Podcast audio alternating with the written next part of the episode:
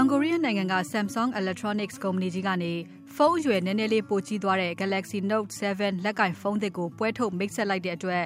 Android ဖုန်းသစ်ထဲမှာပါလာမယ့်အစွမ်းသစ်တွေအပေါ်သုံးသပ်နှိုင်းယှဉ်မှုမျိုးစုံပေါ်ထွက်လာခဲ့ပါတယ်။ August လ၂ရက်နေ့တုန်းကအမေရိကန်ပြည်ထောင်စု New York မြို့၊ဗြိတိန်နိုင်ငံလန်ဒန်မြို့နဲ့ Brazil နိုင်ငံ Rio de Janeiro မြို့တွေမှာ တပြိုင်နက်အချိန်ကိုက်ပြီး Galaxy Note 7 ဖုန်းသစ်မိတ်ဆက်ပွဲတွေကို လုပ်ခဲ့ကြတာပါ။ Ladies and gentlemen, it is my pleasure to introduce the Samsung Galaxy Note 7. Samsung Galaxy Note 7 ဖုန်းသစ်ထဲမှာထူးထူးခြားခြားပါလာတာကတော့ဖုန်းလုံခြုံရေးအတွက်ကိုယ့်ရဲ့မျက်စံကို scan လုပ်ပြီးမှဖုန်းကိုသုံးလို့ရအောင်လုပ်ထားတဲ့ Iris Scanner ဖြစ်ပါတယ်။ The Note 7 comes with an iris scanner. So how does it work?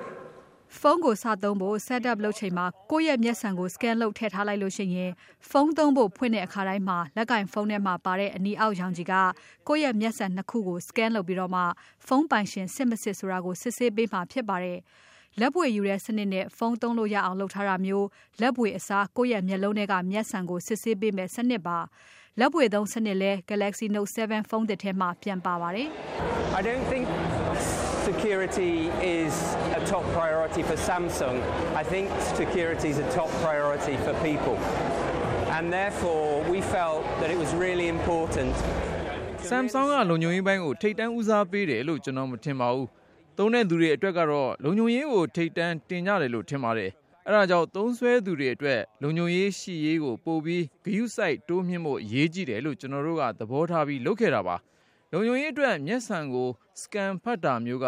အရင်ကဘဏ်တွေရဲ့မြေတိုက်ခန်းတို့ရွှေချောင်းတွေသိမ်းဆည်းထားတဲ့နေရာတွေမှာပဲသုံးခဲ့တာပါ။လူတွေနေ့တူတူကသွာလာလှုပ်ရှားနေတဲ့ဘဝထဲမှာသူတို့တန်ဖိုးထားတဲ့အရာတွေလုံခြုံစေဖို့ကျွန်တော်တို့ကဒီနည်းပညာကိုထည့်သွင်းပေးလိုက်တာပါ။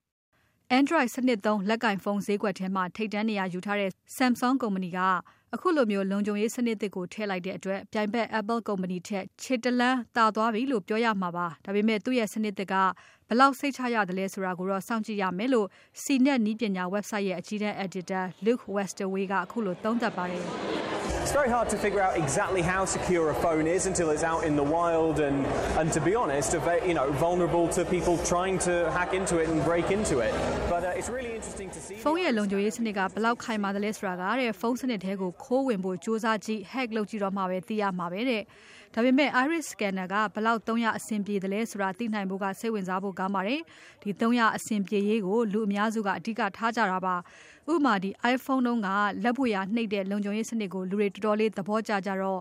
Apple အတွက်လည်း နာမည်ရခဲ့ပါတယ်တဲ့။ဖုန်းတစ်ခါသုံးချင်တိုင်းမှာကနန်းလေးလုံး passcode ကိုထည့်နေရတာတက်ကို ကိုယ့်ရဲ့လက်ပွေကို နှိပ်လိုက်တာကဘလောက်အဆင်ပြေတယ်လဲဆိုတာ သုံးဘူးတဲ့သူတိုင်း သိကြပါတယ်လို့ ပြောသွားတာပါ။ နည်းပညာကျွမ်းကျင်သူ Jonathan Rubini ကတော့ ဖုန်းလုံခြုံရေးကို ပိုပြီးတော့စိတ်ချရနိုင်ပေမဲ့ ဒီစနစ်က အသစ်အဆန်းမဟုတ်ဘူးလို့ ထောက်ပြပါတယ်။ Security is extremely important with phones because we keep all our private information in our phones. ကိုယ့်ရဲ့ကိုယ်ရေးကိုယ်တာအရေးကြီးတဲ့ကိစ္စတွေအားလုံးဖုန်းထဲမှာမှတ်ထားတော့ဖုန်းလုံခြုံရေးသိပ်ကိုအရေးကြီးပါတယ်တဲ့။ Iris scanner ပါတဲ့အတွက်တော့ Apple ရဲ့ဖုန်းတွေနဲ့နှိုင်းလို့ရှိရင်ခြေတလန်းပိုသာသွားတာပေါ့တဲ့။ ဒါပေမဲ့ Microsoft က ပြီးခဲ့တဲ့နှစ်က ထုတ်ထားတဲ့ Lumia ဖုန်းထဲမှာဒီ Iris scanner တွေက ပါထားပြီးသားပါ။အဲဒါကြောင့်မို့လို့ Samsung ရဲ့ဖုန်းက Iris scanner နဲ့ ဈေးကွက်ထဲကို ပထမဆုံးရောက်တဲ့ ဖုန်းလို့တော့ ပြောလို့မရဘူးလို့ သူကပြောသွားတာဖြစ်ပါတယ်။ Iris scanner နဲ့ ဖုန်းပိုင်ရှင် မျက်စံဟုတ်မဟုတ် စစ်ဆေးပေးတဲ့ စနစ်မျိုးကို နိုင်ငံတချို့မှာရောင်းတဲ့ တချို့ဖုန်းတွေထဲမှာ အရင်ကတော့ တွေ့ရဘူးပါတယ်။အခု Samsung ရဲ့ Galaxy Note 7 ကတော့ တကမ္ဘာလုံးမှာ ရောင်းချမယ့် ပထမဆုံး Iris scanner ဖုန်းဖြစ်ပါလိမ့်မယ်လို့ Wall Street Journal ရဲ့နည်းပညာဆောင်းပါးကသုံးသပ်ရေးပါတယ်။အခု Galaxy Note 7 ဖုန်းကဒီနောက်ဆုံးထုတ်ထားတဲ့ Galaxy S7 ဖုန်း series တွေနဲ့အများကြီးကွာမသွားပါဘူး။5.7 လက်မအရွယ်ဖုန်း screen တခါ 4GB memory နောက် 12 megapixel နဲ့ ကင်မရာ စတဲ့ feature တွေနဲ့ Galaxy Note 7 ဖုန်းသစ်က ရေဆိုခံ အညစ်အပေခံနိုင်တယ်လို့ Samsung ကုမ္ပဏီကတော့ကြေညာပါတယ်။ They're not doing anything unique in the percent because what they're doing is they're offering Samsung S7 Edge မှာတော့ကပါထားပြီးသားမျိုးတွေပဲပြန်ပါတာမို့လို့အခုတစ်ခေါက်မှထူးထူးခြားခြားအသစ်အဆန်းဘာမှမပါပါဘူးတဲ့။ဖုန်းနှစ်ခုရဲ့လုံနိုင်စွမ်းတွေကိုရှင်ကြည့်လို့ရှင်အားလုံးအတူတူနီးပါးပါပဲတဲ့။ဒီနည်းပညာကျွမ်းကျင်သူ Jonathan Rubini ကပြောနေတာပါ။ နောက်ဆုံးပေါ်လက်ကင်ဖုန်းနဲ့ကွန်ပျူတာတွေရဲ့အကြောင်းကိုဖော်ပြနေတဲ့ Mobile Geeks website ကိုပူးတွဲတည်ထောင်ထားတဲ့ Nicole Scott ကလည်း Samsung definitely is playing it safe with the Note 7. They're taking Samsung က Note 7ကိုတိတ်ပြီးထူးထူးခြားခြားထောက်ပြစရာမပါအောင်လုပ်ထားတာသိကြပါတယ်။ S7 Edge နဲ့ Note 5တွေမှာပါပြီးသားတော်တော်လေးကောင်းတဲ့ feature တွေကိုပြန်ထည့်တယ်။ပြီးခဲ့တဲ့တစ်နှစ်နှစ်အတွင်း software ဘိုင်းနဲ့ hardware ဘိုင်းမှာပိုကောင်းအောင်ပြင်ဆင်ခဲ့တာတွေကိုဖုန်းသစ်မှာသုံးခဲ့ပါတယ်။ Note 7ဖုန်းသစ်ကိုကြည့်ရင်တိတ်ပြီးဝေဖန်ပြောရလောက်အောင်အစမ်းထွင်ထားတာမျိုးမတွေ့ရပါဘူး။ Galaxy Note 7ကို American မှာ August လ19ရက်နေ့မှာ စပြီးတော့ရောင်းမှာဖြစ်ပေမဲ့ ဈေးဘယ်လောက်နဲ့ ရောင်းမှာလဲဆိုတာကို Samsung ကုမ္ပဏီက မပြောသေးပါဘူး။ဈေးကွက်ထဲမှာရှိနေတဲ့ ဈေးသက်သာတဲ့ တခြား Android ဖုန်းတွေနဲ့ ယှဉ်နိုင်မလားဆိုတာကတော့ မေးစရာတစ်ခုဖြစ်တယ်လို့ CNET နည်းပညာ website အကြီးတန်း editor Luke Westerwey ကထောက်ပြပါတယ်။ Samsung's new phone is really, really powerful and really exciting, but it is Samsung ရဲ့ဖုန်းသစ်ရဲ့အစွမ်းတွေက တော်တော်လေးကောင်းပါတယ်။ဒါပေမဲ့ Huawei လိုမျိုး တခြားဖုန်းထုတ်တဲ့ ကုမ္ပဏီတွေက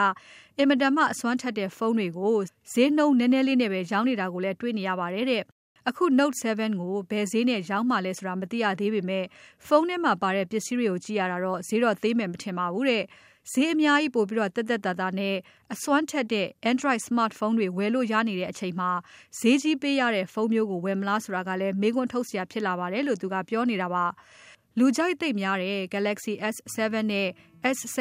Edge ဖုန်းတွေကြောင့်မို့လို့2016ဒုတိယ3လပတ်မှာ Samsung ကုမ္ပဏီအတွက်နှစ်နှစ်အတွင်း အမြတ်အများဆုံးရရှိခဲ့ပါတယ်။အခုလဲပြိုင်ဘက် Apple ကုမ္ပဏီထက်ကို လက်ဦးမှုယူပြီးတော့မှ Galaxy Note 7 ကို iPhone အသစ်ထွက်မလာခင် လပိုင်းကြိုပြီးတော့အရင်ရောက်မှာဖြစ်ပါတယ်။ဒါကြောင့် ဒီဖုန်းသစ်ကနေပြီးတော့အယောင်အရှိန်ဆက်ပြီးတော့တက်နေဖို့အတွက် Samsung ကုမ္ပဏီဘက်ကတော့ မျှော်လင့်နေပါတယ်ရှင်။